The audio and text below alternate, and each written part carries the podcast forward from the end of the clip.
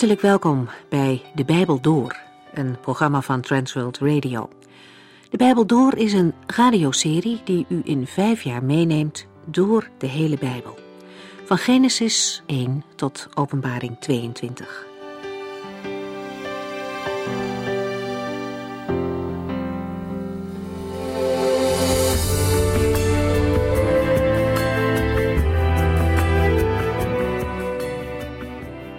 In het begin van Openbaring komen we zeven gemeenten tegen. Smyrna is een gemeente die alles te maken heeft met lijden en met vervolging. En het is bekend bij de Heer Jezus. Hij zegt, ik weet hoe u omwille van mij vervolgd wordt en in wat voor armoede u leeft, hoewel u rijk bent. Ik weet ook van de laster over u. Vervolging en armoede worden hier in één adem genoemd. We mogen aannemen dat hun armoede niet alleen veroorzaakt werd door de economische situatie, maar mede door het vernielen van hun bezit door vijandige groepen en door de moeilijkheden om werk te vinden in een vijandige omgeving. Maar tegenover hun materiële armoede staat hun geestelijke rijkdom. Die kon niemand hen ontnemen. De laster waar deze gemeenteleden mee te maken hadden, waren geen algemene beschuldigingen, maar hadden alles met hun geloofsopvatting te maken. De tegenstand kwam van de Joden uit Smyrna. Het gaat hier niet over de Joden in het algemeen. En het lijden is nog niet voorbij. De gemeente zal nog meer mee moeten maken. Maar de Heer zelf bemoedigt hen en troost hen. Wees niet bang voor wat u nog moet doormaken, zegt hij. Wees trouw tot de dood en ik zal u de erekrans van het eeuwige leven geven. In deze brief vinden we geen vermaning over dingen die beter moeten. De Heere ziet het lijden en de trouw van zijn gemeente en moedigt haar aan om vol te houden tot het einde. Er klinkt geen belofte van een aardse verlossing. De gelovigen krijgen een blik over de dood heen. Dan zal er voor eeuwig verlossing zijn. Die hoop mag hen bemoedigen om in dit leven trouw te zijn. We gaan nu verder met de brief aan de gemeente in Pergamum.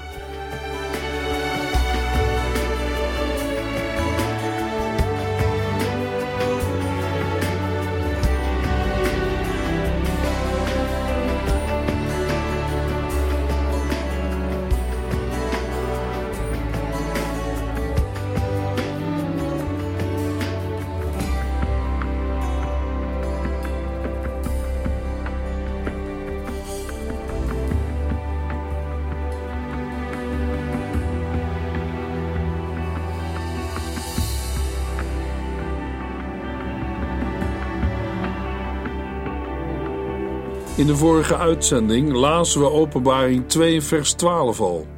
Maar wij willen er deze uitzending mee beginnen.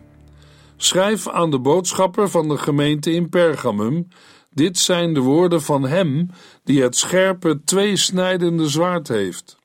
De derde stad die door Johannes wordt genoemd is Pergamum. Vanaf Smyrna zijn we dan verder naar het noorden gereisd. Pergamum ligt strategisch aan het einde van de brede Caicusvallei. De stad werd belangrijk als hoofdstad van het koninkrijk van de Attaliden. Zij versterkten de markante stadsburcht of Acropolis. Deze stadsburcht stak 400 meter boven de vallei uit. De Romeinen maakten de stad na hun overwinning op de Attaliden tot hoofdstad van de provincie Azië. In de vorige uitzending vertelden we al dat in Pergamum de proconsul zetelde, die een vrijwel onbeperkte macht had. De stad is verder bekend vanwege de vervaardiging van leer dat geschikt is om te beschrijven, namelijk perkament. Pergamum is een groot godsdienstig centrum. Er zijn heiligdommen ter ere van Rome en Augustus, en het altaar voor Zeus, die heiland wordt genoemd. Deze heiligdommen domineren heel de Acropolis. Dat is de benaming voor een stadsburcht of citadel van oude steden. Oorspronkelijk die van het oude Athene. Verder zijn er tempels voor de god Dionysus en de godin Athena. Het heiligdom van Asclepius trekt veel bezoekers die genezing zoeken. Pergamum lag ruim 15 kilometer landinwaarts ten opzichte van de Egeïsche Zee en was een belangrijk centrum van godsdienstige cultuur van Klein-Azië. De stad had in de derde en tweede eeuw voor Christus een belangrijke politieke positie ingenomen. Het was een van de eerste steden met een openlijke verering voor de Romeinse keizer. Het aantal inwoners is onzeker, maar ligt ten tijde van het Nieuwe Testament tussen de 120.000 en 200.000 inwoners. Over het ontstaan van de christelijke gemeente kunnen we weinig met zekerheid zeggen. Opnieuw is ook de brief gericht aan de boodschapper of engel van de gemeente van Pergamum. De woorden: Dit zijn de woorden van hem die het scherpe, tweesnijdende zwaard heeft, zijn dezelfde woorden die we lezen in Openbaring 1, vers 16 en komen uit de mond van de opgestane mensenzoon, Jezus Christus. Het heeft betrekking op de woorden van oordeel die de heiland uitspreekt over de gemeente van Pergamum. De christengemeente van Pergamum is passief geworden in haar houding tegenover heidense praktijken. Tegelijk is het een toespeling op de macht van het Romeinse Rijk, die ook door een zwaard werd gesymboliseerd. Met andere woorden, de werkelijke macht ligt niet bij het Romeinse Rijk, maar bij Jezus Christus. In Pergamum was een tempel gebouwd voor Caesar Augustus, die het tot een koninklijke stad maakte. Augustus kwam naar dit prachtige gebied als het in Rome koud was. Pergamum was een versterkte vestingstad, gebouwd om vijanden tegen te houden. De stad was gebouwd op een berg en de Acropolis domineerde de hele Caicusvallei. De oorspronkelijke stad was gebouwd tussen de beide rivieren die uitmonden in de rivier de Caicus, die rondom de rotsachtige heuvel lag. Niet alleen beroemde Pergamum zich op grote tempels, maar het had ook de grootste bibliotheek van die tijd. Het was een bibliotheek met meer dan 200.000 boeken. In feite heeft de stad haar naam te danken aan het perkament dat werd gebruikt om erop te schrijven. De bibliotheek was door Marcus Antonius aan zijn vriendin Cleopatra geschonken. Later heeft Cleopatra de bibliotheek naar Alexandrië in Egypte verplaatst. De bibliotheek van Alexandrië werd gezien als de grootste bibliotheek die de wereld ooit heeft gehad maar oorspronkelijk kwam die bibliotheek uit Pergamum. Openbaring 2, vers 12 en 13.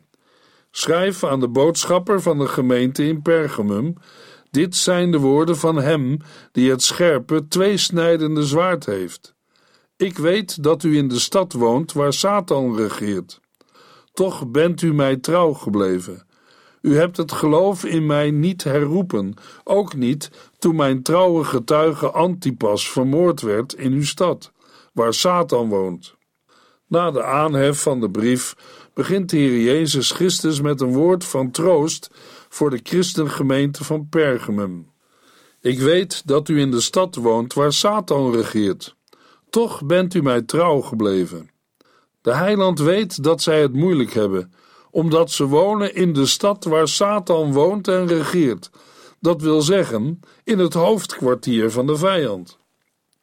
Doordat de Satan ook aan het slot van vers 13 wordt genoemd, ligt alle nadruk op zijn dreigende aanwezigheid.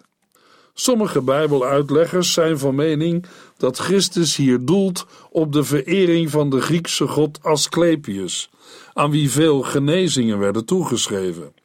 Voor Asclepius was in Pergamum een grote tempel gebouwd. De slang was het aan hem gewijde dier en stond symbool voor de god Asclepius. Anderen denken aan het grote aantal afgodentempels op de berg boven de stad. Weer anderen aan de vergoddelijking van de Romeinse keizer.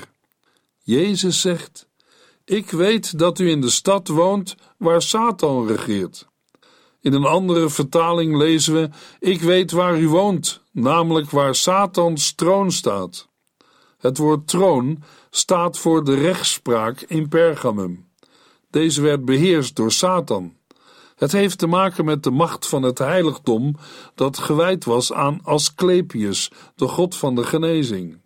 Deze god droeg de titel heiland. Velen kwamen naar zijn tempel toe om genezing te zoeken. Het teken van Asclepius was de slang. Wij kennen dat teken in de vorm van de esculaap van onder andere artsen en apothekers. De opkomst van het christelijke geloof vormde een regelrechte bedreiging voor de verering van Asclepius en alles dat bij de cultus van zijn heiligdom hoorde. Vergelijk de situatie rond Artemis in Efeze. Keizer Domitianus had, voor zover bekend, een bijzondere binding met de verering van Asclepius. De overheid en proconsul in Pergamum hadden er dan ook belang bij om het heiligdom van Asclepius ter wille te zijn. Zij zetten de christelijke gemeente onder druk. Maar ondanks dat zegt de Heer Jezus: Ik weet dat u in de stad woont waar Satan regeert. Toch bent u mij trouw gebleven. De christengemeente wordt geprezen omdat ze ondanks de omstandigheden trouw is gebleven aan de naam van Christus.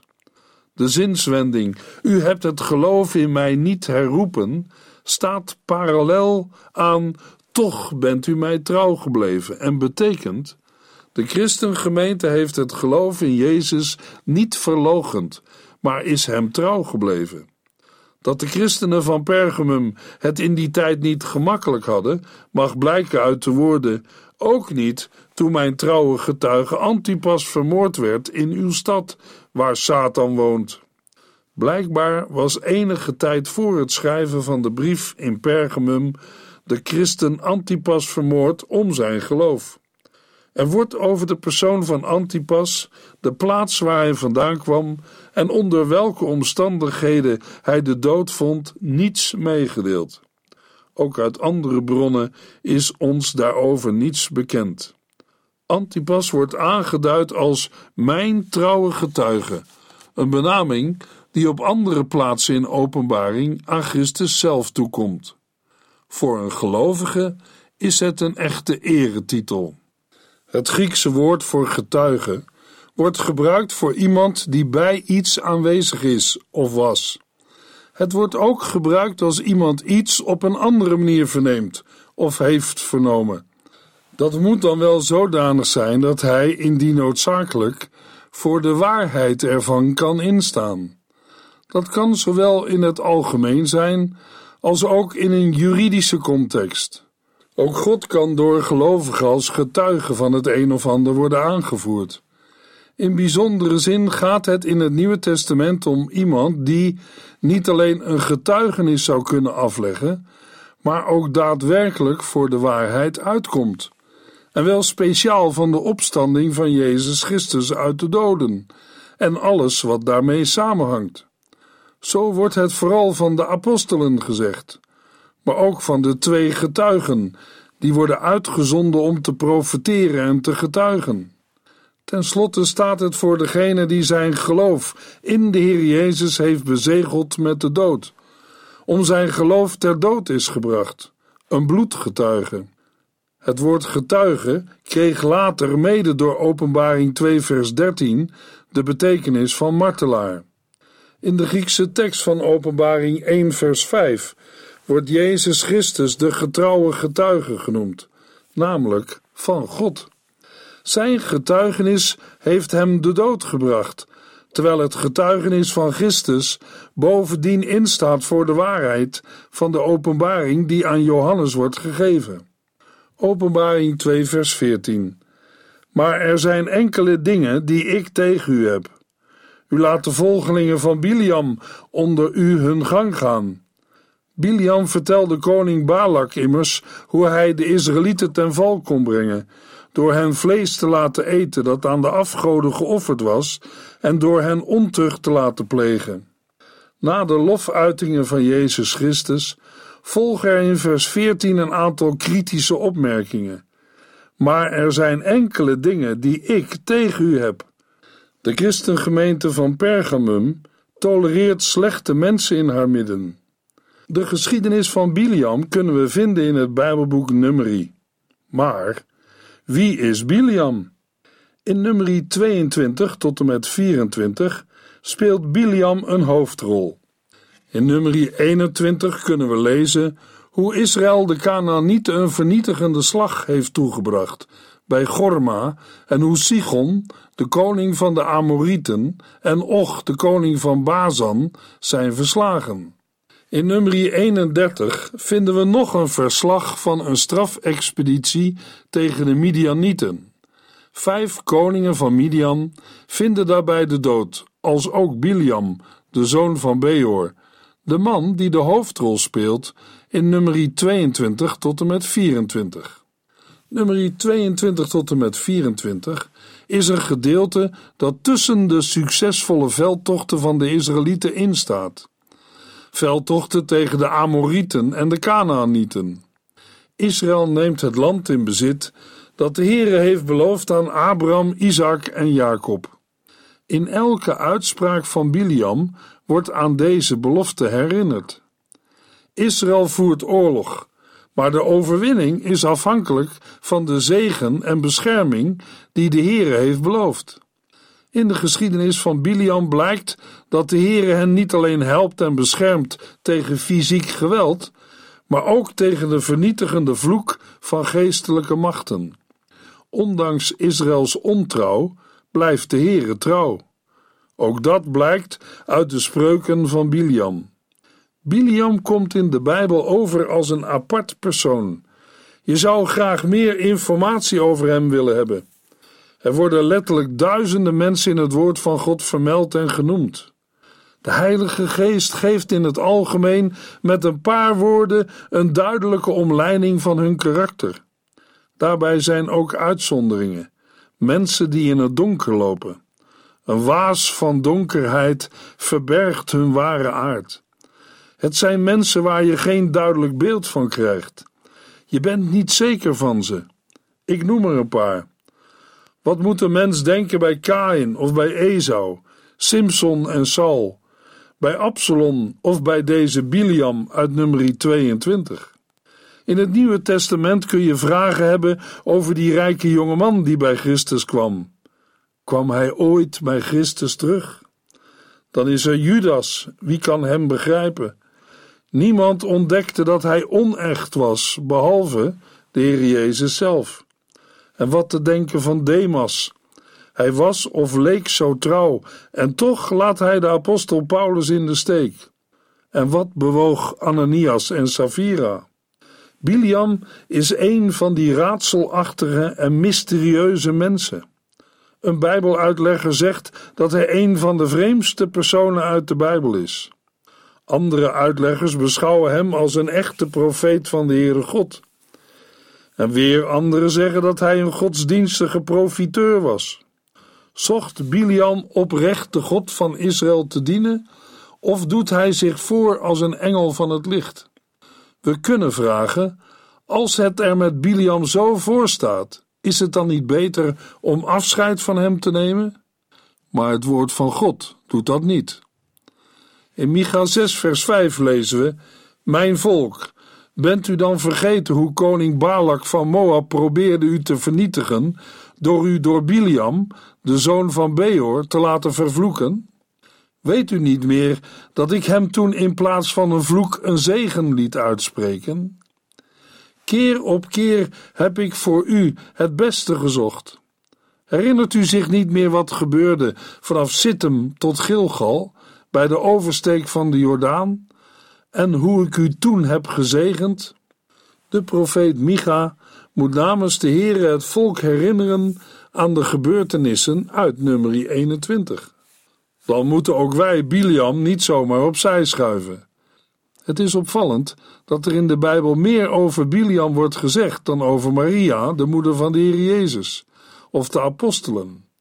In het Nieuwe Testament wordt Biliam drie keer genoemd en iedere keer is het in verband met afval van de Here. Laten we de verschillende teksten maar eens lezen. In 2 Petrus 2, vers 15 en 16 wordt gezegd: Zij zijn van de rechte weg afgedwaald en volgen het dwaalspoor van Biliam, de zoon van Beor, die het niet erg vond iets verkeerds te doen, zolang hij er maar voor betaald werd.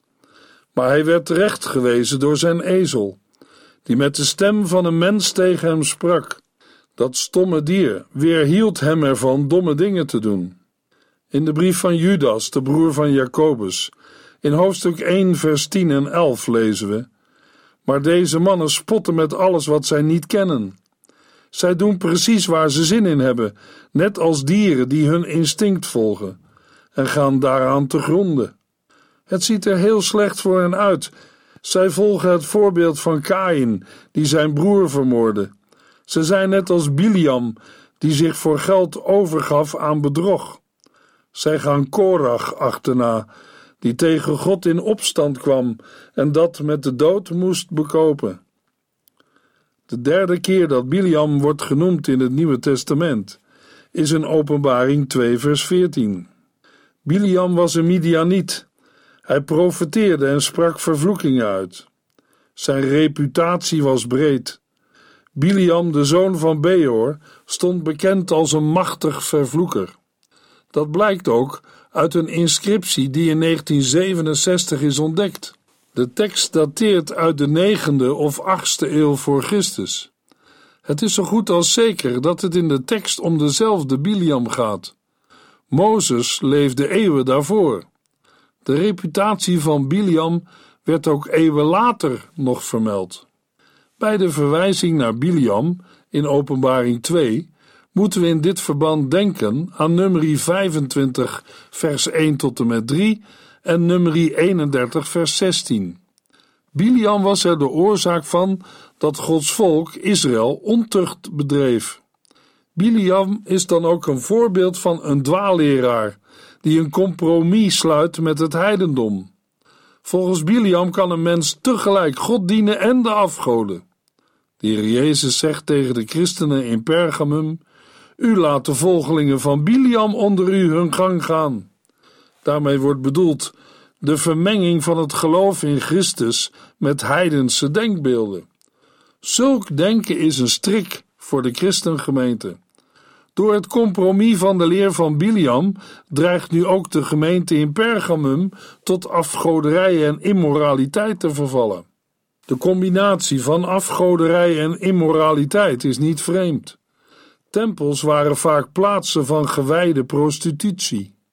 De laatste woorden van vers 14 benoemen concreet wat Biliam koning Balak adviseerde te doen en wat ook in Pergamum gebeurde. Laat ze afgodenvlees eten en ontucht plegen. In de gemeente van Pergamum wordt dezelfde soort verleiding gevonden als onder Israël in de woestijn. Afgodenoffers en ontucht zijn dingen die de gelovigen verboden zijn. Het woord afgodenoffers is waarschijnlijk door christenen gevormd om vlees aan te duiden dat aan de afgoden was gewijd en in hun aanwezigheid, dat wil zeggen in een heidense tempel, werd gegeten. Paulus bespreekt het eten van zulk vlees in 1 Corinthiërs 8 en 10. De Heer Jezus waarschuwt in Openbaring 2 voor de desastreuze gevolgen van zo'n dubbele houding. Dat doet de heiland door te herinneren aan de geschiedenis van Biliam. Biliam had koning Balak aangeraden om de Israëlieten niet vijandig tegemoet te treden, maar ze te verleiden tot deelname aan een feest ter ere van Baal Peor. Veel Israëlieten gingen daarop in. Zij hadden seksuele omgang met Moabitische vrouwen en aten offervlees. In die tijd ging, als oordeel van God, het zwaard rond onder de Israëlieten. Velen gingen het beloofde land niet binnen. De verwijzing naar Biliam en Balak is een waarschuwing en een dringende oproep tot bekering. Nu zal Christus komen met het zwaard van zijn mond. Dat slaat niet op het laatste oordeel, maar eerder op tuchtmaatregelen, waardoor leden van de christengemeente die niet willen luisteren en zich niet bekeren, worden buitengesloten. De geschiedenis van Biliam en het volk Israël in de woestijnperiode laat zien dat iedereen die en Christus en de afgoden dient, het beloofde land niet zal binnengaan. In het licht van het Bijbelboek Openbaring betekent dat dat zij het nieuwe Jeruzalem niet zullen binnengaan. In Openbaring 22, vers 14 tot en met 16 lezen we: Gelukkig zijn zij die hun kleren wassen. Zij mogen van de levensboom eten en door de poorten van de stad binnengaan. Buiten de stad zijn de honden, de tovenaars, de overspeligen, de moordenaars, de afgodendienaars en alle die met plezier liegen en bedriegen. Ik, Jezus, heb mijn engel gestuurd, opdat u dit allemaal aan de gemeente zult vertellen. Ik ben de nakomeling uit het geslacht van David. Ik ben de schitterende morgenster. Openbaring 2, vers 15. Zo zijn er ook onder u mensen die de verderfelijke leer van de Nicolaïten volgen. In vers 15 trekt de Heer Jezus Christus met nadruk de vergelijking tussen de situatie van Israël, dat bedreigd werd door de leer van Biliam, en de gemeente, die onder invloed staat van de leer van de Nicolaïten. Het verband lijkt erop te wijzen dat met de Nicolaïten in vers 15 dezelfde personen zijn bedoeld als de volgelingen van Biliam in het vorige vers. De Nicolaïten werden al in vers 6 genoemd, maar pas in de brief van Pergamum komen we iets meer te weten over hun ideeën. Net als het volk Israël in de woestijn kan de jonge christelijke gemeente moeilijk omgaan met haar nieuw verworven vrijheid. Ook de christenen uit de niet-Joden blijken al in de tijd van de apostelen hun vrijheid te misbruiken. Zij menen dat het voor een gelovige niet uitmaakt wat hij met zijn lichaam doet. Zij zien hun geloof als een louter geestelijke zaak. Het volgen van de verderfelijke leer van de Nicolaïten is het naleven en praktiseren van hun denkbeelden en verderfelijke manier van leven. De leer van de Nicolaïten komt overeen met de praktijken van de Nicolaïten, waarover we lazen in de brief aan de gemeente van Efeze. In Efeze werden die praktijken gehaat, maar in Pergamum konden de volgelingen van Biliam hun gang gaan. Hoewel we niet precies weten wat de leer inhield, was het waarschijnlijk een gnostische secte door Nicolaus ontwikkeld, die losbandigheid in zaken van christelijk gedrag aanbeval en kennelijk een terugkeer voorstond tot godsdienstige rituelen die werden uitgevoerd door bepaalde geestelijken. Daarmee werd het priesterschap van alle gelovigen genegeerd. De Heer Jezus wil er niets van weten. In de volgende uitzending lezen we Openbaring 2, vers 16 tot en met 3, vers 2.